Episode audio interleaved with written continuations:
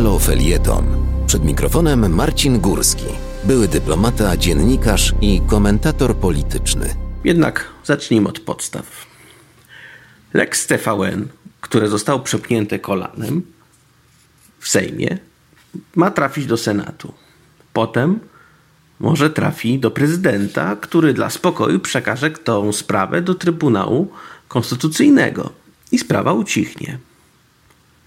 E, ale jednak Biały Dom już grzmi, bo TVN należy do amerykańskiego Discovery.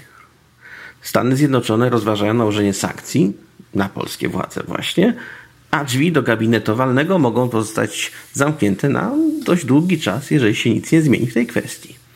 No i teraz prezydent Duda na pewno nie odwiedzi Joe Bidena, ale wracając do Dudy, to zrobił coś, co umie najlepiej. Czyli podpisał nowelizację ustawy, która zmienia prawo reprywatyzacyjne i w związku z czym jednocześnie zamyka drogę do restytucji mienia ocalałym z Holokaustu. Efekt?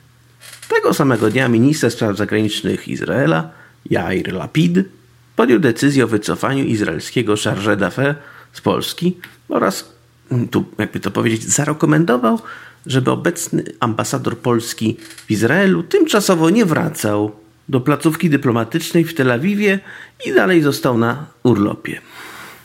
I akurat to ostatnie może akurat nam wyjść na dobre.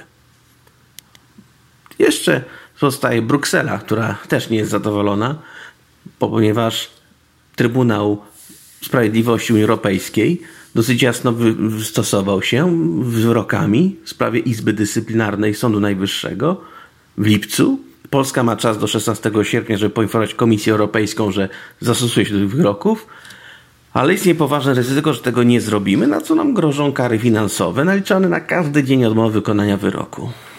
No, na przykład w przypadku Puszczy Białowieskiej byłoby to 100 tysięcy euro dziennie.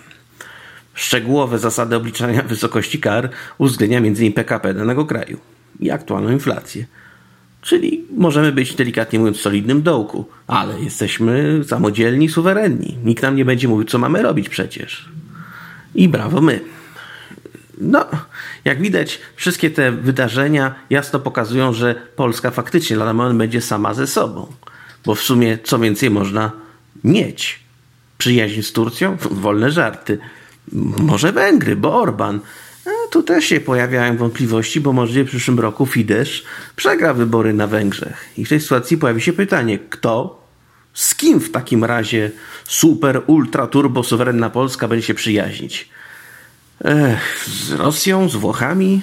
No niekoniecznie, ponieważ tamtejsze rządy też nas nie traktują poważnie. Przynajmniej takie są nieodwrotne wrażenia.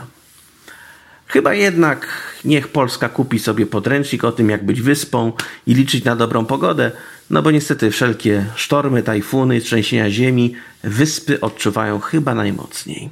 Wystarczy spojrzeć na Tahiti. Wspieraj niezależne Halo Radio, które mówi wszystko. www.halo.radio ukośnik SOS. Dziękujemy.